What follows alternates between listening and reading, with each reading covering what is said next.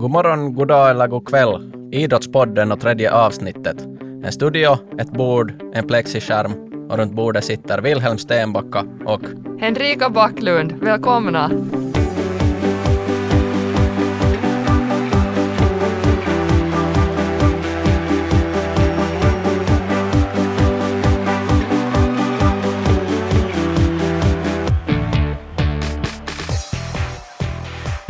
Från att ha kört om idrottsevenemang på sommaren och orienteringens fysiska eller tekniska karaktär går vi till en klart mer psykologisk diskussion idag.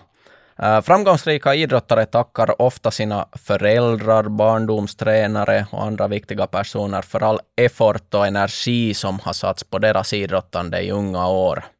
Utan mina kära föräldrar eller utan min kära person X skulle det här inte vara möjligt. Risto-Matti Hakola begrundar att för varje ungdomspokal han har tagit under sin skidarkarriär så har föräldrarna kört i genomsnitt 200 kilometer. Han är nu inte ett undantag. Men eh, om det här inte vore möjligt med personer i bakgrunden som sätter mycket energi och tid på barnens idrott, var skulle alla våra Niskanen, Mäkäräinen, Laine, Pukki, Nesiri, Tähti, Rukajärvi finnas. Vad skulle ha hänt om de här idolerna skulle ha gått miste om elitidrottskarriärer på grund av att de skulle ha slutat idrotta i ungdomen? Vi talar om ett fenomen som dropout från organiserad idrott, alltså det att man lägger av uh, sin idrottshobby på grund av någon egen eller extern orsak och vad det eventuellt har för följder för idrottare, för uh, idrotten överlag och för samhället. Uh, dropout är dagens huvudtema. Vid sidan om det kommer att vi, dis vi att diskutera om vad är drop-in, det vill säga när man börjar en hobby, när man uh, börjar en ny hobby och varför. Vi kommer också kanske lite att uh, diskutera on-off idrottande, alltså det att man byter olika hobbyn eller inte har en så tydlig struktur på det vad man håller på med. Det här handlar om, om psykologi, det vill säga individuella beteendemönster, varför man väljer att idrotta eller inte idrotta. Det handlar om sociologi, det vill säga vad grupper av människor gör, vem, hur, när, vad, med vem och varför. Och som en kombination av de här två handlar det också om socialpsykologi. Det vill säga, hur tänker människor hur känner människor och hur mänskliga beteenden påverkas av den verkliga inbillade eller underförstådda närvaron av andra människor. Jag citerar här Floyd Allport, en av socialpsykologins grundfigurer från 80-talet. Vi kommer alltså att undersöka individuella levnadsvanor, huruvida idrotten finns med i levnadsvanorna eller inte, vi kommer att fundera på de ramar där idrotten utspelar sig i olika skeden av livscykeln. Henrika Backlund, no. för att göra saken personlig. När har du senast slutat med en hobby? Senast har jag slutat med en hobby när jag var sådär lite på 20 år gammal. Jag var i kadettskolan och jag hade blivit tvingad att tävla i marin femkamp. Vet du vad det är? Jag vet inte alla grenar inom det, men jag tippar att det har dels att göra med, med vattengrenar och uthållighetsgrenar. No, alltså jag måste säga att det är säkert en av de mystiskaste sporter jag har hållit på med och jag har testat jättemånga sporter. Nu blev vi så intresserade, ja. du måste säga, vad, vad ingår i marin femkamp? No, där, där är räddningssim och sen är det sim med fenor, med det korta sträckor, det är 100 meter och 75 meter och sen är det en sån här hinderbana, men den är liksom, det är inte som en vanlig sån här hinderbana som finns på garnisoner, utan det, den är mm, tagen från, från sån här flottans element. Så den är jättekonstig. Där är till exempel ett sånt här hinder som du ska kasta en handgranat in genom en dörr och sen ska du springa själv efter och stänga dörren. Det här, det här är kanske sådär om man har självbevarelsedrift kan man kanske inte göra så här. Men alltså det är en övningsgranat. Men den är jättekonstig den här hinderbanan. Och där finns några här mastar och grejer som man ska klättra upp för, för att det är liksom då inspirerat av, en, av flottans verksamhet. Sen är där en sån här som, gren som kallas sjömanskap, var man ska göra en knop och sen ska man ro lite zigzag med jolle. Och sen är det sista grejen en sån här amfibielöpning var du ska springa, det är kanske max två kilometer och så ska du paddla lite med en gummibåt på vägen. Alltså det, det, är en jättekonstig gren och den är jätte... Alltså det, det är inte många som sysslar med den i världen. Uh, och du har slutat med den här? Ja, alltså jag blev tvingad att, att syssla med den här grenen när jag började studera vid Försvarshögskolan. För att jag hade då, jag var lite sådär idrottslig och det behövdes kvinnor att representera Finland i den här grenen. Så jag skulle lite jämföra det här med att mina föräldrar skulle tvinga mig att syssla med någon sport som de vill att deras barn ska hålla på med. Jag var och skämma ut mig själv på några tävlingar internationellt och sen tog jag mod till mig och, och sa att, det här, att jag vill lite mer, att det här är inte min, det här är inte min grej. Men du hängde sådär halvtvingad med ändå i, i ett tag, trots att du var fullvuxen och egentligen gör dina egna val? Jag liksom försökte sådär tänka att, ja, att, att nu har jag liksom att, eh, nu har jag möjlighet att tävla på en hög nivå i en sport och jag har ganska bra stöd. Så det, det höll mig som kanske kvar. Den där grenen överlag lät ju egentligen för en liten sån här eh, utmaningsaddikt eh, ganska intressant. Jag fick i alla fall direkt sådana här flashbackar av olika amerikanska krigsfilmer och det där intron före de rycker ut i kriget när de tränar. Och Ja, men alltså den är för, där är allt för korta grenar och det är en massa sån där, som man säger på finska, sån här kikkailu. Till exempel göra någon knop. Okej, okay, så det, ja. no, det matchar inte helt enkelt vad du är, du är på det sättet intresserad av. Har du påbörjat någon annan hobby istället? Efter det så började jag med triathlon. Och det var, det var helt sådär på det viset att en, en god vän som, som hade sysslat med grenen så tog mig med på en tävling. Så vann jag honom. Och, och sen ångrade han att han hade tagit med mig på den där tävlingen. Men jag fick som ett sådant livslångt intresse för en, för en gren som passar mig. Och nu är det ju så att om man håller på med någonting som man på riktigt tycker om, så nu är det ju förutsättningen för ett livslångt utövande. Intressant kan man ju säga att du stängde en dörr och en annan mycket intressantare för dig ja. dörr öppnades. Vad har, du, vad har du själv slutat med på sistone? På sistone har jag väl nu inte så där officiellt lagt av med så mycket, men jag kan väl säga att jag är i grund och botten en innebandyspelare och har hållit på med bollsporter överlag i tonåren och det var min huvudgrej. Eh, någon gång ungefär när gymnasiet slutade så slutade också det där innebandyt i alla fall så där på så kallat allvar. Nu har jag spelat efter det så där på humor. Men eh, det var kanske till följd av det att när man någon gång lyckades så hade faktiskt bra perioder, så sen när det kom de där sämre perioderna så klarade man inte av att på det sättet uh, copa med det där känslan av att man misslyckas och så de egna förväntningarna i förhållande till uh, vad man lyckades uppnå, så där på individuellt plan matchar inte riktigt. Och, och, så blev det liksom en negativ faktor och, och en pressfaktor som jag sen sist och slutligen slutade med heller, det var inte så där att laget upplöstes heller, att man liksom många bra sluta. Lagen runt mig ändrade några gånger och, och det där, det var, det var inte problemet på något sätt att det fanns lag och, och, och nu passade jag in i lagen men i och med att jag inte uppnådde det vad jag var intresserad av. Kanske det fanns en individuell idrottare i mig som ville lyckas bättre och när jag inte lyckades på den nivå jag själv ville så var det game over, i alla fall i innebandyn. Sen några år senare så har jag sen drivits in på, på individuella idrottsgrenarna och, och speciellt ut, uthållighetsidrotten i form av skidåkning, skidskytte. Ja, jag testade också lite bollsporter som yngre, men jag identifierar helt samma saker som du nämnde nu. Alltså det där att när du, när du själv misslyckas så, så tar du sån liksom då börda åt dig av det.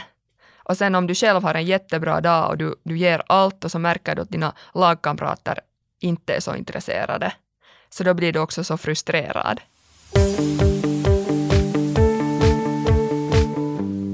Vi har kommit in här på lite individuella starts and beginnings. Eh, vi kommer att köra in på det här dropout-fenomenet lite med en sån här ordentlig djupdykning senare, men nu är det dags för oss att vässa klorna, att dra upp ärmarna, att helt enkelt bli fiender en stund. Henrika, du har förberett en duell för mig och vår producent Jeanette Harf här. Välkommen Jeanette! Tack ska ni ha! Roligt att vara här igen. Hur är läget idag? Jo tack, det är bra. Jag har slickat såren här efter förra veckans förlust. Så att... Det var så att du förlorade åt Henrika i förra veckans set. Uh, nu duellerar du mot mig, så att det där utmaningen mm, blir i alla fall inte lättare. Aj, du menar det? Ja, men, men vi, vi, vi ska se. Jag, jag är inte säker på det där, Ville. Nåja, och jag, och jag grundar ju då alla mina dueller på någon form av historik som jag har hittat på Finlandssvenska idrottskansli. Och ni får gissa att vilken historik har jag letat i inför den här duellen. Jag avslöjar alltså inte, inte vad heter det nu, idrottsgren ännu, men det kommer att handla om ett av våra förbund.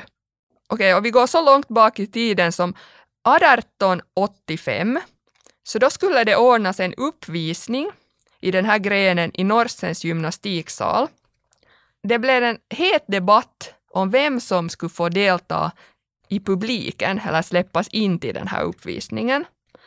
Kvinnor skulle få komma, men sen så sattes det en sån begränsning att endast gifta män över 40 år får inträda. Vilken idrottsform tror ni att det handlar om? Jeanette? Det är gymnastiken. Ja, men vad, varför, varför uppvisning? Försök gissa. Ville? Uh, jag måste ta till finska nu, men det här är någon sorts uh, föregångare till uh, gruppgymnastik för kvinnor, naisvoimistelu. Helt rätt. Det här var Gymnastikföreningen för fruntimmer i Helsingfors som skulle ha sin första gymnastikuppvisning år 1885. Mycket fint. Yes. My, mycket, mycket intressant namn på föreningen. Jag har hört det någonstans. Det, det är unikt. Ja, alltså det var, här var det var ett stort dilemma att, att kan, man, kan man ta sådana här män som kan ha sådana här stygga tankar att se på kvinnogymnastik? Mm. Det var frågorna på den tiden. Det såg lite annorlunda ut då. Yes. Okej, okay, vi går lite framåt i tiden. Och under 1950-talet, alltså då hade då gymnastikföreningarna ett eget förbund som hette Kvinnogymnastikförbundet. Och de lanserade grenar som komplement till gymnastiken. Och nu läser jag upp fyra grenar och ni får gissa vilken gren som inte är ett av deras lanserade komplement till gymnastiken för kvinnor. Handboll, boboll, ridsport eller volleyboll? Ville. Ville. Boboll. Fel. Jeanette. Um, handboll. Fel. Ville. Volleyboll. Fel. Då säger jag ridsport. Bra Jeanette! Yes! Okej, okay, alltså på 50-talet så, så vad heter det nu, så lanserade det här gymnastikförbundet sådana bollsporter för kvinnor. Man ansåg ännu då att kvinnor skulle inte tävla individuellt, för att det var, det var inte passande för kvinnor. Men sådana här bollsporter, så det var liksom lämpligt för det skapar laganda. Yes, och volleyboll, så det var det som kanske lyckades bäst av de här lanserande, för det, det levde kvar länge och det, och det var speciellt stod det i historiken att i västra Nyland så blev det här jättepopulärt. Mm. Okej, okay, sista frågan. Nu handlar det här om, om något fenomen som har ägt rum inom gymnastiken. Och jag kommer att beskriva det här fenomenet från ett utdrag ur Liv och spänst. Jag säger inte från vilket år. Och Liv och spänst är det här, den här tidningen som ännu ges ut av Gymnastikförbundet. Okej, okay, och ni, ni säger ert namn genast när ni vet. Ni behöver inte lyssna till slut. Pip är dans, gymnastikträning till sprittande snabb musik. Renlärig pip innehåller inte ordentliga mag och ryggstärkande övningar. Pip går ut på att man under nästan hela träningspasset jobbar på sina fötter. Benen tränas samtidigt. Pulsen borde vara över 100 slag i minuten och man borde hålla den så hög i minst 15 minuter, helst 30 minuter. Ville. Yes. Arabik. Rätt. Hyvä. Det här... Strålande Ville. Yes. Har du Ville någonsin äh, varit med i gymnastiken? I redskapsgymnastik eller något annat? Har du prövat Nå, på det? Inte, inte direkt liksom under gymnastiken, men jag har en kort period där jag har träna vissa gymnastikrelaterade grejer i form av en god kompis som var ytterst hård på parkour. Nice. Men det där eh, gymnastik, så det var inte liksom kopplat till det. Men jag uppskattar nog alltså, det är ju alldeles huisiga färdigheter vad gymnaster klarar av. Mm. Okej, men på 1980-talet så då kom aerobiken med storm. Och då, då gjorde det att många unga blev intresserade av, av gymnastik. Och sen fanns det sådana som var skeptiska. Man, man motiverar liv och spänst med att gymnastiken måste leva med sin tid. Till att man då börjar ordna aerobikpass för kvinnor. Mm. Det här var duellen. Jag, jag måste säga att um, jag höll inte alls någon koll på vem som vann den här. Det som inte syns här ut, ut från studion är faktiskt det att, att undertecknad här hade sådana här Bundesliga-aktiga uh, lugna vinnargester här efter en 2-1 vinst och, och tyvärr så tror jag att Jeanette får slickas åren efter en andra förlust på sträck. Ah, jag får gå tillbaka och slicka mina sår. Tack för medverkan i duellen och, och det där, nästa duell kommer i nästa avsnitt. Uh, överlag intressant med det här gymnastikens utveckling är att uh, gymnastiken i Finland och Norden har en dels väldigt stark kvinnogymnastik sån här uh, bakgrund och det, det har varit skilt från då en sån här herrgymnastik, en sån här uh, tysk tradition och de har levt parallellt med varandra jättelänge under första halvan av 1900-talet och, och det där väldigt uh, unika historier och intressanta historier i, i finländsk idrottshistoria. Och det är faktiskt kvinnogymnastiken som har lagt grunden i Finland för all idrottsverksamhet för kvinnor. Ja, och det som är väldigt intressant där är att uh, den historien så, så det där har väldigt starka personer som faktiskt har brutit mönster. Även om vi diskuterar här att, att vissa idrottsformer inte ansågs vara eh, sakliga för kvinnor, så det är ändå mycket tack vare den här äh, kvinnogymnastikens frammarsch som det överlag har kunnat uppstå en, en, en kvinnoidrott i Finland relativt tidigt jämfört med övriga världen. Det här borde bli ett skilt avsnitt. Vi är klara att diskutera helt vad som helst.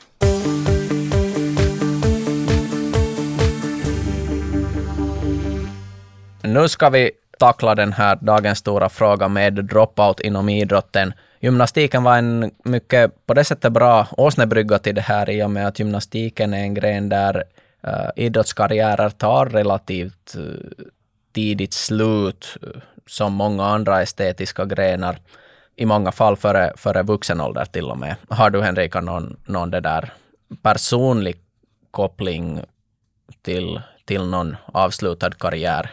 Inom gymnastik? Ja.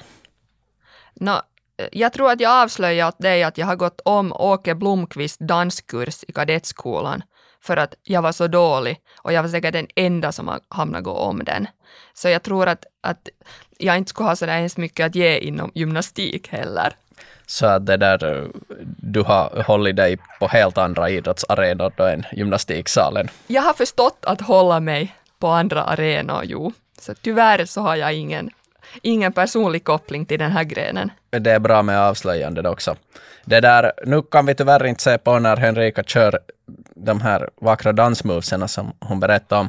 Uh, däremot så ska jag ta en sån här liten introduktion till uh, när finländare börjar, börjar och slutar sina idrottshobbyer. Det är så att uh, enligt statistik från 2016 så har uh, den ålder då finländare i genomsnitt påbörjar idrottshobby i uh, idrottsförening så konstant sjunkit från och med egentligen hela Finlands självständighetstid. Uh, från att på 70-talet har varit där ungefär vid nio års ålder så har vi idag till 2010-talet kommit till det att finländare i genomsnitt, alltså barn, påbörjar idrottshobbyer i sju års ålder i idrottsföreningar. När man tänker överlag sen på det här hur många av de finländska barnen och ungdomarna som idrottar så ungefär hälften uh, har en idrottshobby, alltså har en hobby som förverkligas i en idrottsförening i Finland. Det här gäller då barn som är under 18. Eh, vad gäller sen vuxen ålder så för vuxenbefolkningen är det 13 procent som har en eh, idrottshobby i en idrottsförening. Så att eh, absolut en, en sån form av, av hobbyverksamhet som är betonad i ungdomsåren. När vi tittar på idrottsaktivitet eller motionsaktivitet i Finland så barn 9 till 15-åringar så egentligen för varje år som går så minskar den fysiska aktiviteten. I genomsnitt så eh, tar nioåringar cirka, cirka 11 000 steg i dygnet. 11-åringar går ner till lite på 10 000. Eh, vid 15 års ålder så är genomsnittet ungefär på 8 000 steg i dygnet. När vi övergår till vuxen ålder så padam 6 000 håller. 6 000 är ganska lite steg i dygnet. Vad tycker du Henrik? Alltså är inte den här allmänna rekommendationen 10 000 steg? Och det får man, det får man lätt med att man gör 5-6 kilometers löprunda eller promenad. En halvtimmes löprunda ja. eller två promenader på, på dagen räcker att uppnå det här. Och det berättar kanske någonting om att vi har en i genomsnitt ganska låg låg fysisk aktivitet ändå i, i Finland och i Norden. Jämfört med övriga Europa, Eh, det här baserar sig på en eurobarometer, alltså EU-länder, så har vi ändå en i genomsnitt större aktivitetsnivå i Finland än i Europa. Och det här gäller både antal steg per dygn och också tillhörande i någon sorts idrottsförening eller övrig idrottsklubb. Så att inte vi liksom efter i Finland. Nej, men är inte Finland också föreningarnas förlovade land, säger man inte så? Tusen sjöars land och tusen organisationers land. Just no, så här var det. Men det är säkert också det här nordiska. Jag tror att alla, alla nordiska länder ligger säkert lite ovanför sådana här eh, centraleuropeiska länder i den här och sydeuropeiska länder i den här barometern. Eller har jag fel?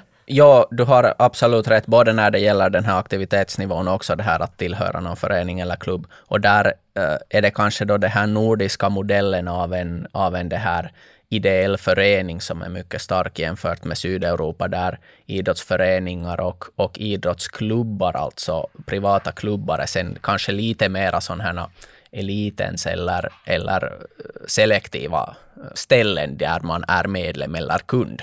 Ja, och, och, Norge är helt säkert i topp på den här barometern, eller har jag fel? Norge är inte med i den här barometern som inte ett icke-EU-land, men uh, Norge är uh, statistiskt uh, lite före Finland egentligen i all idrottsaktivitet. Ja, för jag tycker de har så stark den här att gå på tur-mentaliteten, att hela familjen går på vandring självman, så kallad autonom fysisk aktivitet är nog absolut starkare i Norge. Kanske starkast i, i hela världen om man tänker på, på livsstilen. Dropout, då, alltså tekniskt sett så handlar det om det att man, alltså en idrottande individ slutar med sin uh, hobby eller sin aktivitet. Uh, vi brukar kanske ofta när vi talar om idrottens dropout tala om föreningar och det att att en person som tillhört en förening eller ett lag slutar med hobbyn där. Uh, nu går jag över här till att grilla Henrika lite yes. grann. Uh, kan du identifiera eller kan du spekulera att vilka perioder i en finländsk livscykel uh, är de mest utsatta för dropout från idrott? Yes, det här baserar sig endast på mina antaganden. Och de observationer jag har gjort då jag har tillhört säkert över tio föreningar. Och jag tycker att jag observerar den här första cykeln är säkert när man blir tonåring. Att när man börjar ha sin egen vilja och man börjar skapa sin egen identitet och lösgöra sig från sina föräldrar. Så då sker det, tycker jag, en stor dropout. För att uh, speciellt när det har varit det, när de här föräldrarna har varit starkt anknutna till den här hobbyn. Så, så då lösgör sig de här tonåringarna som sen vågar visa sin egen vilja och gå sin egen väg. Um, sen så när man börjar studera, när man lämnar sin hemort, gissar jag att nästa skede, kanske till och med eh, värnplikten, kan göra att man slutar med någonting. Um, sen tror jag att när man får sådana här livskriser senare i livet, alltså när man typ fyller 30 år, fyller 40 år, ger ett nyårslöfte. Så de brukar sällan bli långvariga. De här, nu, nu ska jag börja med något, eh, trail running för att det ser häftigt ut och jag kan gå ner 10 kilo i vikt lätt. Det tror jag att det är de här, de här vad heter det nu, skedena. Du har nog väldigt bra kopi på det här. Jag måste ju känna mig oroad direkt i och med att jag fyller 30 om cirka två månader. Att står jag inför en sån här farlig dropout, eh, det där eh, du, du, ska vi säga, utsatt skede här. Nej, du, du närmar dig dina bästa år inom uthållighetsidrott, kan jag säga med sån här erfarenhet av att eh, snart fylla 40 år. Aj, aj, så vi sitter båda i en sån här prekär situation här, men vi har våra bästa år framför oss. Vi litar på det. Du har, du har dina bästa år framför dig. man måste ju hålla med om att, om att det där, jag går mot en ljus framtid i alla fall. No, nej. Uh, du hade väldigt bra gissningar eller antaganden där eh, den finländska livscykeln eller idrottarens livscykel så uh, upplever den första tydliga dropout-fasen just i tonåren, alltså i praktiken det år när, när man går in i högstadiet och det kommer andra delar, det kommer veckoslutsliv och, och också i vissa fall tyvärr ännu rusmedel med i bilden och idrotten kanske i sig tar ett på många fall mera tävlingsinriktat allvarligt grepp, vilket då gör att en del väljer att sluta där i 13 till 15 års åldern. Eh, den andra kommer ganska bra som du gissar där vid eh, nära 20-årsåldern, det vill säga då man A flyttar hemifrån, eh, B börjar studera, blir så från en ung hemmaboende vuxen till en vuxen som ansvarar för eget liv. Så då också den här uh, hemortsbytet eller värnplikten som stoppar den där gamla livsstilen så kan ja. betyda då att man inte återgår mera till sen. Nej, det kastar om, kastar om ens rutiner helt fullständigt. Ja. Och den tredje, eh, om en kanske lite mindre och mera utspridda, kommer då i det skedet när när det blir aktuellt med familj och mera bråttom, en mera hektisk vardag, där kommer också en sån här tredje dropout-fas. Det där, det där stämmer. Alltså jag, jag är i den där fasen som bäst, men att jag liksom, kanske idrotten är den som jag lämnar sist bort. Idrotten är den som räddar dig från en hektisk, vanlig eh, vardagshistoria. Ja, eller som, just som får en att orka genom sitt vardagsliv och också i arbete. Mm. Och som gör att man, man är, hålls på gott humör det där är säkert någonting som många idrottare håller med dig om, även om att den där tre, dagens träning i många fall är en sån här uh, som man känner sig att man tvingas pressa genom. Ja, men jag tycker liksom att i, i dagens läge så man får liksom tänka på, vara nöjd över de träningar man har kunnat göra. Man kan inte mera fokusera på allt som man har liksom hamnat lämna bort.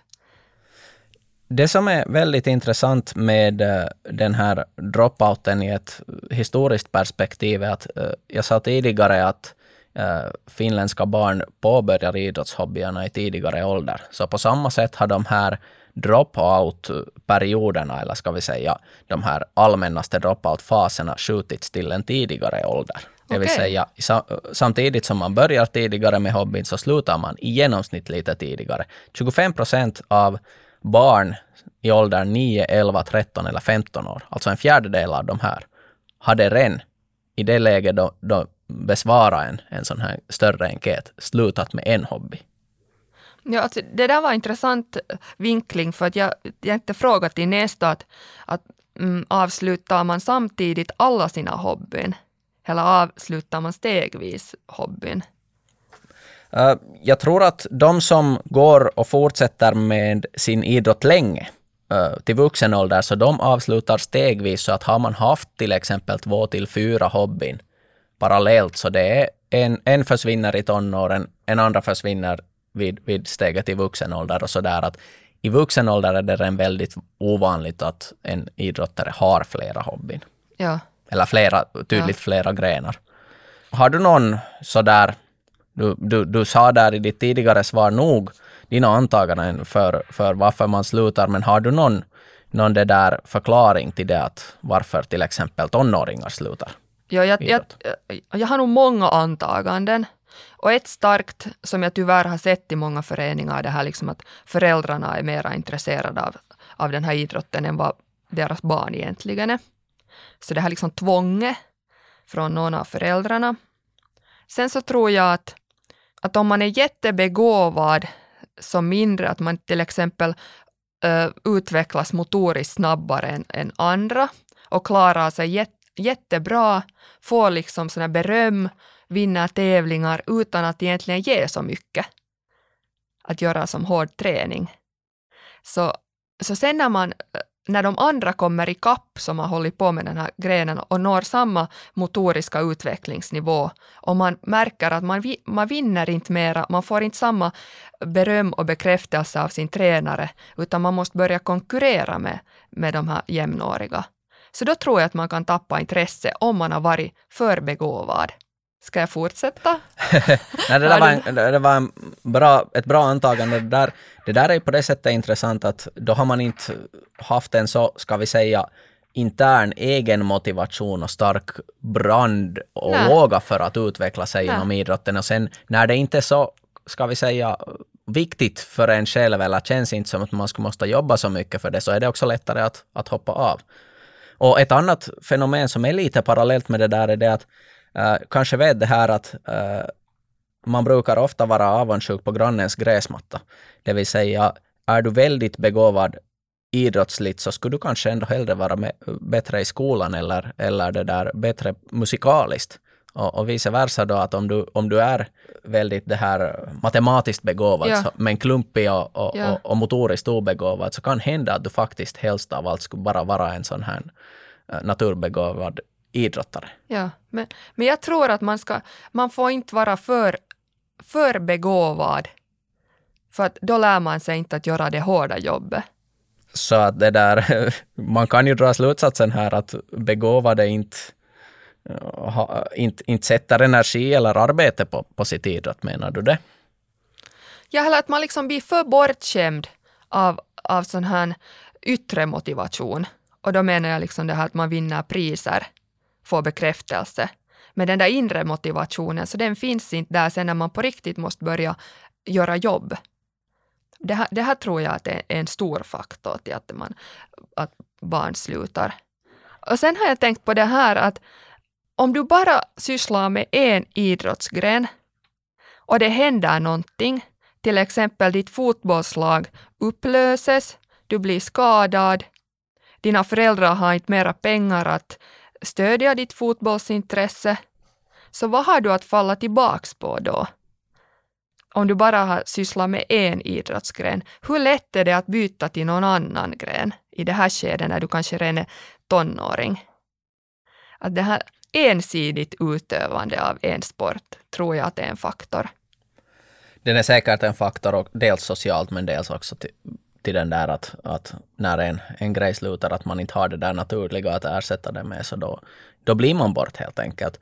Statistiskt så finns det ingen universell orsak till varför barn och ungdomar slutar idrotten. Att det är ganska jämnt mellan att, att helt enkelt bli uttråkad på grenen, att inte trivas i det lag eller den grupp man idrottar i, att inte vara tillräckligt eh, fascinerad eller intresserad av, av hobbyn överlag, att det inte är tillräckligt roligt, att man får något annat att göra, man har inte tid med idrotten, man gillar inte tävlande. Det här är alla sådana här ganska jämnt fördelande, fördelade orsaker och i vissa grenar också det ekonomiska. Vi tar till exempel min gren skidåkningen som är statistiskt en av de dyraste tävlingsidrotterna i form av, av, av resande och, och utrustningen. Samma med ridning och med uh, alpina sporter etc.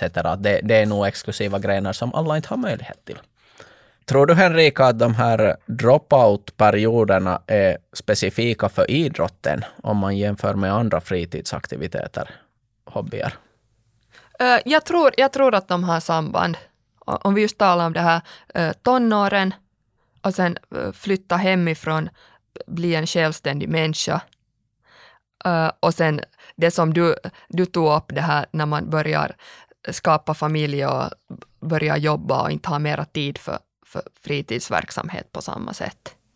No, nu är det ju ganska långt samma. Det är kanske lite andra betoningar med orsaker, men på samma sätt kommer det dels de här individuella med egen motivation och hur man trivs i hobbyn. Eh, och det andra är också det här socialpsykologiska, att hur man trivs i gruppen och hur man upplever sig där. Och, och, och när man egentligen far från en krets till en annan, vi säger högstadiet till andra, andra stadiet då, Eh, eller då eh, från efter att man har gått ut gymnasiet eller, eller yrkesskolan till följande steg, arbetslivet eller, eller eh, högskolestudier. Så där hoppar man in i en ny krets och då är det liksom möjligt att man ut ur en hobby in i en annan verksamhet.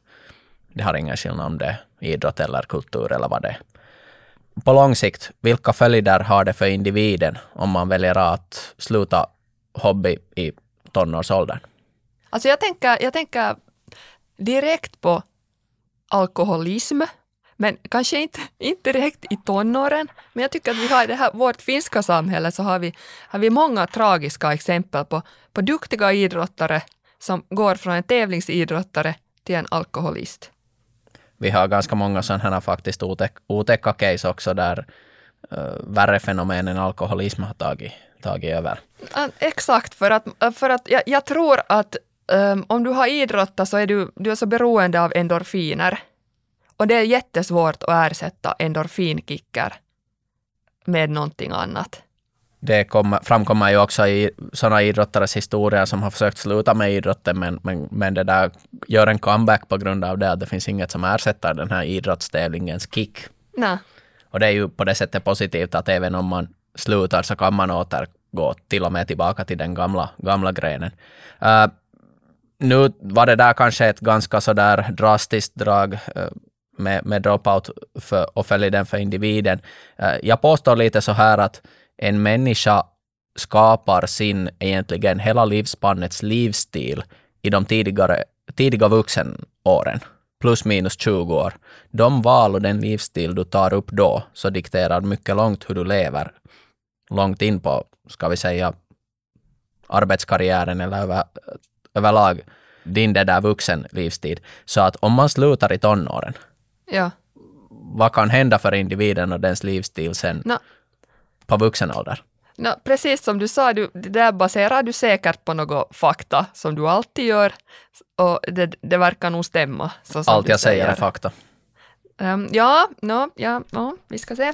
Men um, alltså, det kan hända att man, man, ta, man blir liksom får ett sånt här motstånd för, för idrott när man lägger av.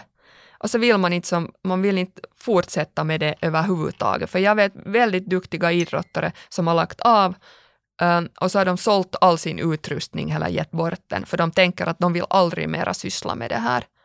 Att det ser jag som det kanske den största faran, att man får ett sånt här liksom mentalt motstånd för den där, det där idrottsutövande och sen ersätter det med någonting helt annat som inte kanske är något hemskt bra för hälsan eller för, för individen överlag. Nå, vilka följder eller förluster har det här ett större dropout då för den organiserade idrotten? No, jag tycker att nu vad jag har följt med lite på det här finlandssvenska planet och idrottsföreningarna så ser det ut som att vi, vi har duktiga föreningar som, som fostrar bra juniorer. Men det händer någonting sen med, när de ska ta steget över till den här senioridrotten. Så, så händer det någonting att vi har inte, vi har inte samma underlag mera. Och det här ser man nog säkert i, inom idrotten i Finland överlag. Att vi har mästerskapsmedaljer från, från där värdetävlingar för juniorer. Men det korrelerar inte sen med mästerskapsmedaljer för seniorer i samma värdetävlingar. Att det här är kanske det här problemet som uppstår. Det är ett av de mest populära diskussionsämnen i idrotts ska vi säga bland idrottsanalytiker i Finland, det här ja. att, att hur korrelerar ungdomsframgång med framgång på seniornivå och, och leder medaljer i junioråldrar till medaljer på vuxennivå. Uh, fakta är det att, att i Finland, som i väldigt många andra länder, också nordiska länderna, så idrottsorganisationen handleder juniorer fram till äh, gränsen eller tröskeln till senioråren. Kanske första två åren på seniornivå, men sen är man on your own om man inte lyckas ta sig till landslag. Och då blir det ju så där att, att en del fortsätter, en del fortsätter satsat eller halv, halvsatsat och en del måste ju ta, ta liksom i och med att, att golvet faller undan så man måste bygga, ett eget golv och då kan man inte elitsatsa mer. Nej, jag tycker att det var Fredrik Portin som sa för länge sedan att det är Folkpensionsanstalten som är största sponsor, sponsor till idrottare i Finland. Folkpensionsanstalten och mamma och pappa. Ja, rätt. tre, tre stöttepelare Ja. bakom finländsk tävlingsidrott. Uh, nu ska Henrika börja lösa problemen. Vi har, vi har Okej. lite dryftat här, Ja. dropouten. Så det här, hur skulle du säga att man ska förebygga dropout i tonåren och i, ska vi säga tidig vuxen ålder? No, jag, skulle, jag skulle vilja säga att, att barnen skulle själv få välja, eller skulle få uppfostras till sån idrottsglädje, var de har möjlighet att syssla med den sport som de tycker bäst om. För de, de, den har de också mest potential att bli bra i. Att det inte skulle vara föräldrarna som styr så starkt sina barns idrottsutövande och bestämmer att min son ska bli NHL-spelare. Det här hanteringsmönstret bort. Ehm, eh, sen skulle jag vilja säga att man skulle, man skulle ha ett mångsidigare idrottsutövande redan i tidig ålder. Alltså man har många ben att stå på. Och det här tangerar också den där första idén att, att sen kan man välja när man börjar märka att, att vilken träning trivs jag bäst med, vad tycker jag mest om, så kan man sen börja nischa sig till, till den sporten. Och det här skulle kräva det att föreningarna skulle ha mera samarbete. Att man på, i bygden så skulle komma överens om att eh, fotbollsklubben har träningar på tisdag, sen har gymnastiken träning på torsdag och de här samarbetar. Så att man kan, man kan då delta i båda. Här kommer vi in på sådana här små ankdammar som vår finlandssvenska ankdamm och också hela, hela nationella ankdammen är uppbyggd av. Det vill säga alla opererar i egen liten pöl. Och sen för idrottaren eller för ungdomen så handlar det om att studsa från pöl till pöl till pöl och de här pölarna är inte kombinerade. De Nej. har inget att göra med varandra. Det vill säga, det finns ingen liksom större tanke om att, om att göra saker tillsammans eller att möjliggöra det att du kan egentligen under dina ungdomsår hålla på med eh, skidningen bara en gång i veckan och huvudsakligen spela fotboll och tänka på det så att, att det har ingen skillnad om, om Petter eller Nina blir bäst i min gren eller i en annan gren. Bara Petter och Nina idrottar hela sitt liv. Rätt. Och här är vi långt ifrån det här eh, ett smidigt samarbete. Det, det är liksom lätt att säga här i studion att vi borde ha mera samarbete, eh, men eh, liksom för de som fungerar på idrottsfältet på riktigt, Henrika Backlund, kan du ge några stycken, två till fem stycken konkreta verktyg för hur någon tränare eller en föreningsaktiv kan lappa ett sjunkande fartyg med idrottare som slutar sin karriär? No, det, det, det är för sent i det skedet. Alltså nu vet jag att man, man eh, skickar ut några enkäter till de som, som slutar med sin sport och frågar ungefär att varför slutar du och vad skulle jag kunna förebygga det här. Det kanske ger liksom lite sån här planeringsgrund sen för framtiden. Och, och det var kanske en del av det här fakta som du nu levererar här tidigare i din analys. Men jag tycker att, att sen när barnen har lagt av så får man dem tillbaks lockade i något skede. Det, jag, jag tror inte själv. Men jag, jag, har, jag måste säga att jag har inte hemskt mycket liksom som då, om jag skulle vara en föreningsaktiv, att, att liksom använda mig av. No, här sitter vi, vi har båda koppling till finlandssvensk idrott och de som faktiskt i och med de här diskussionerna alltid handlar om det att idrottslaget eller grenen eller föreningen så uh, har någonting, något fenomen som gör att ungdomar slutar. Alltså, det är någonting fel i den här verksamheten och därför avslutas ungas idrottskarriärer. Vad kan vi runt det här bordet säga några tips på vilka åtgärder ska man göra så att den följande idrottaren som överväger att sluta väljer att fortsätta? Erbjuda olika möjligheter, ta bort tvånget, fokusera på, på inre motivationen, försöka på något vis koppla bort den där föräldern som kanske styr för mycket. Möjlighet att kombinera det här ur, idrottsutövandet med till exempel skolgången på det viset man kommer överens med skolan att, att träningen är direkt efter skolan. Så att det inte kräver de här föräldra, föräldrarnas då, eh, skjutsande och produ- producerande av, av tjänster hela tiden. Vad, vad kommer du på? Äh, uh, när jag har sådana här svåra äh, grejer som att diskutera med idrottaren i fråga och faktiskt lyssna. Vad vill hen? Vad vill hen göra? Och det andra är det att alla vill pröva sina vingar. Jag ville någon gång pröva mina vingar på att spela musik. Inte har jag någon aning om det och jag har faktiskt konstaterat att inte, inte var jag så intresserad av det som av att flåsa och svettas med skidor på. Så, så det där, jag fick testa och jag gjorde det och jag, jag kanske gjorde några dumma år i mitt liv, men jag har återkommit till idrotten. Ja, men jag tror att det där, den här möjligheten att få prova på många sporter, så den skulle vara, det skulle vara viktigt. Och det skulle kunna ske i samband med skolgången. Att det skulle, istället för någon sån här eftermiddagsverksamhet var, var nu barnen får syssla med vad de vill och någon försöker hålla ordning på kaoset, så skulle, det vara, skulle idrottsföreningarna vara liksom lite mera inkopplade i det här. Och ha sina ledda träningar i samband med skolan eller efter skolan. Det där det låter bra. Visserligen så vet vi ju att våra idrottsföreningar i dagsläget så har en problem med det att, att hur ska de hitta gäng att dra den verksamhet de har på kvällarna och jag på vet, veckosluten. Jag vet. Så att en, en, en liksom verksamhetsform till, så att jag tror inte det är riktigt realistiskt. Uh, det vad jag skulle vilja så där också, Eh, det är väldigt mycket fast nu på de tränare och de aktiva som är med i föreningarna, men att, att det här att även om någon slutar, en spelare slutar eller en idrottare slutar, eller byter gren och så där, att hålla någon sorts kontakt. Jag menar telefonnummer och, och, och, och Facebook-vänskaper eh, finns ju till så att eh, kan man någon gång sen koppla den tillbaka eller kolla vad som är läge om två år? Eller så här att det faktiskt, det här är väldigt, väldigt på det sättet svårt. Man kan inte sätta någon tränare att vara ansvarig för alla juniorer som är med i verksamheten, men det är att är man empatisk och bryr sig, så kolla upp hur är läget om en månad? Hur är läget mitt på sommaren när det inte är verksamhet? Hur är läget om tre år? Ja, sam samla den här gruppen som har avbrutit sin träning efter ett år och, och, och diskutera med dem och, och, se om det skulle finnas någon möjlighet att de skulle vilja komma tillbaka.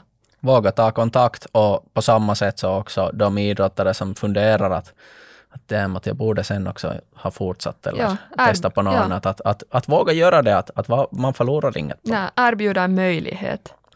Um, jag hade ett bra sånt här fjolårs en bra minnesbild av det här att, att det där, även om jag inte är så inblandad i orientering själv, så det där har jag nu varit med på Jukola några gånger och föreningen hade faktiskt gjort ett sånt här litet projekt att de killar som hade slutat senaste två, tre åren, i, någonstans i junior och ungdomsåren, så föreningen lite sparkade dem att skapa ett lag till Jukola i lag, liksom gamla boysen i lag och fara och springa. Och de hade gjort det och de fick faktiskt en, en, en det där bra erfarenhet av det.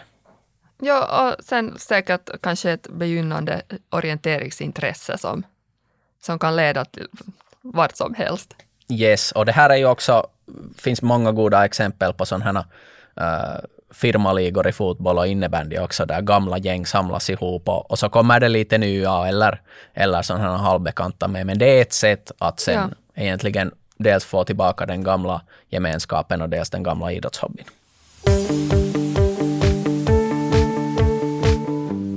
Henrika, no. nu blir det sådana svåra eftersvetsfrågor. Okay. Alltså vi kan inte tänka oss att, att du har nu klarat av din prestation här, här i grillen, men nu så, så får du stå sen i presskonferensen.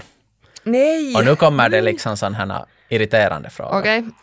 Om du skulle vara tränare eller ledare i en idrottsförening idag, var skulle du mot, gå mot strömmen jämfört med alla övriga tränare eller införstådda beteendemönster för att förebygga dropout? Jag skulle tvinga de här fotbollsspelarna att delta i den här gymnastikträningen som är på torsdag. Väldigt bra.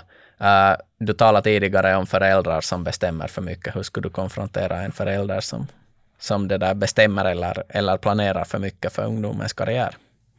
No, um, nu har jag sett de här föräldrarna som står då liksom och, och följer med den här barnets träning och kommenterar och skriker och sånt. Jag skulle skicka den här föräldern på länk under den här träningen och säga att, att det här är nu din egen tid, att du far och utövar någon form av motion och, och ditt barn så är här under kvalitativ ledning och utövar nu den här idrotten.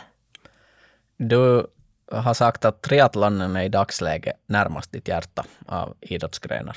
Finns det några otrevliga dropout-faktorer inom triathlonen? No, triathlon är ju en gren som man börjar med i ganska sen ålder i Finland. Det är ju mest kanske 40 plus eh, vithyade eh, med god inkomst finländare som håller på med triathlon. Så jag, jag ser inte liksom någon sån drop-out i den, utan där är mer en där drop-in i, ett, i liksom då juniorålder som, som inte riktigt finns i Finland tyvärr. Serious leisure, alltså det som uh, den övre medelklassen som inte kan ha det bekvämt på fritiden, så måste ju sätta sig att arbeta projektartat på fritiden. Men det, det, det är intressant och det här kommer vi att komma i ett senare avsnitt tillbaka till. Ja, det stämmer. Vi talar om, om vuxenmotionärer och elitmotionärer också. Uh, vad tror du, det här blir spekulation med idrottskulturen idag. Går vi mot en ljusare framtid när det gäller uh, dropout-fenomen bland unga? Eller är det tvärtom? Alltså jag, utan att ha något fakta så, så tror jag att vi går mot mera dropout. Du, du nickar nu, så jag kan inte ha jättefel. Ja, alltså det här är framtidsspekulation, så att vilken fakta man än har så kan man ju inte bevisa någonting ännu. Det här är, det här är gissningar. Ja, men nu är du den mest analytiska människa jag har då träffat här på sistone, så jag, jag antar att du har ändå liksom någon slags då någon, någon forskning att hänvisa till. Men, men jag tror att, att vår, vår ungdom så är så beroende av sån här snabb tillfredsställelse och mycket intryck.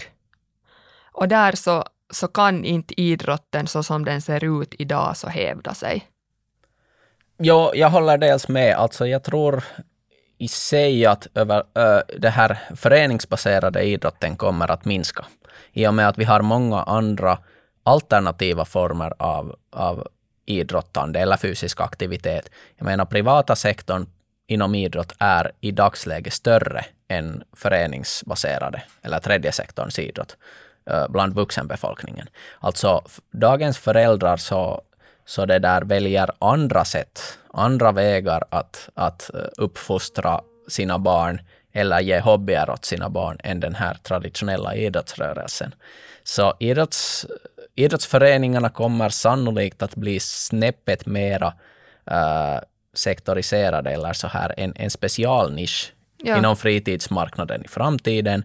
Och då så kommer det dit att styras sådana familjer som är mera engagerade och passionerade av idrott, vilket betyder då att den här uh, dropouten i sig uh, berör färre ungdomar, men jag tror att det berör i lika stor procentuell andel. Alltså vi kommer på ungefär samma sätt att, att ha ungdomar som slutar idrottshobbyn i tonår eller tidig vuxendom. Uh, men det här antal, eller liksom hela populationen som berörs av de här idrottsföreningarna är i sig mindre i framtiden än vad den är idag. Så ett likadant fenomen, men på en mindre utsträckning.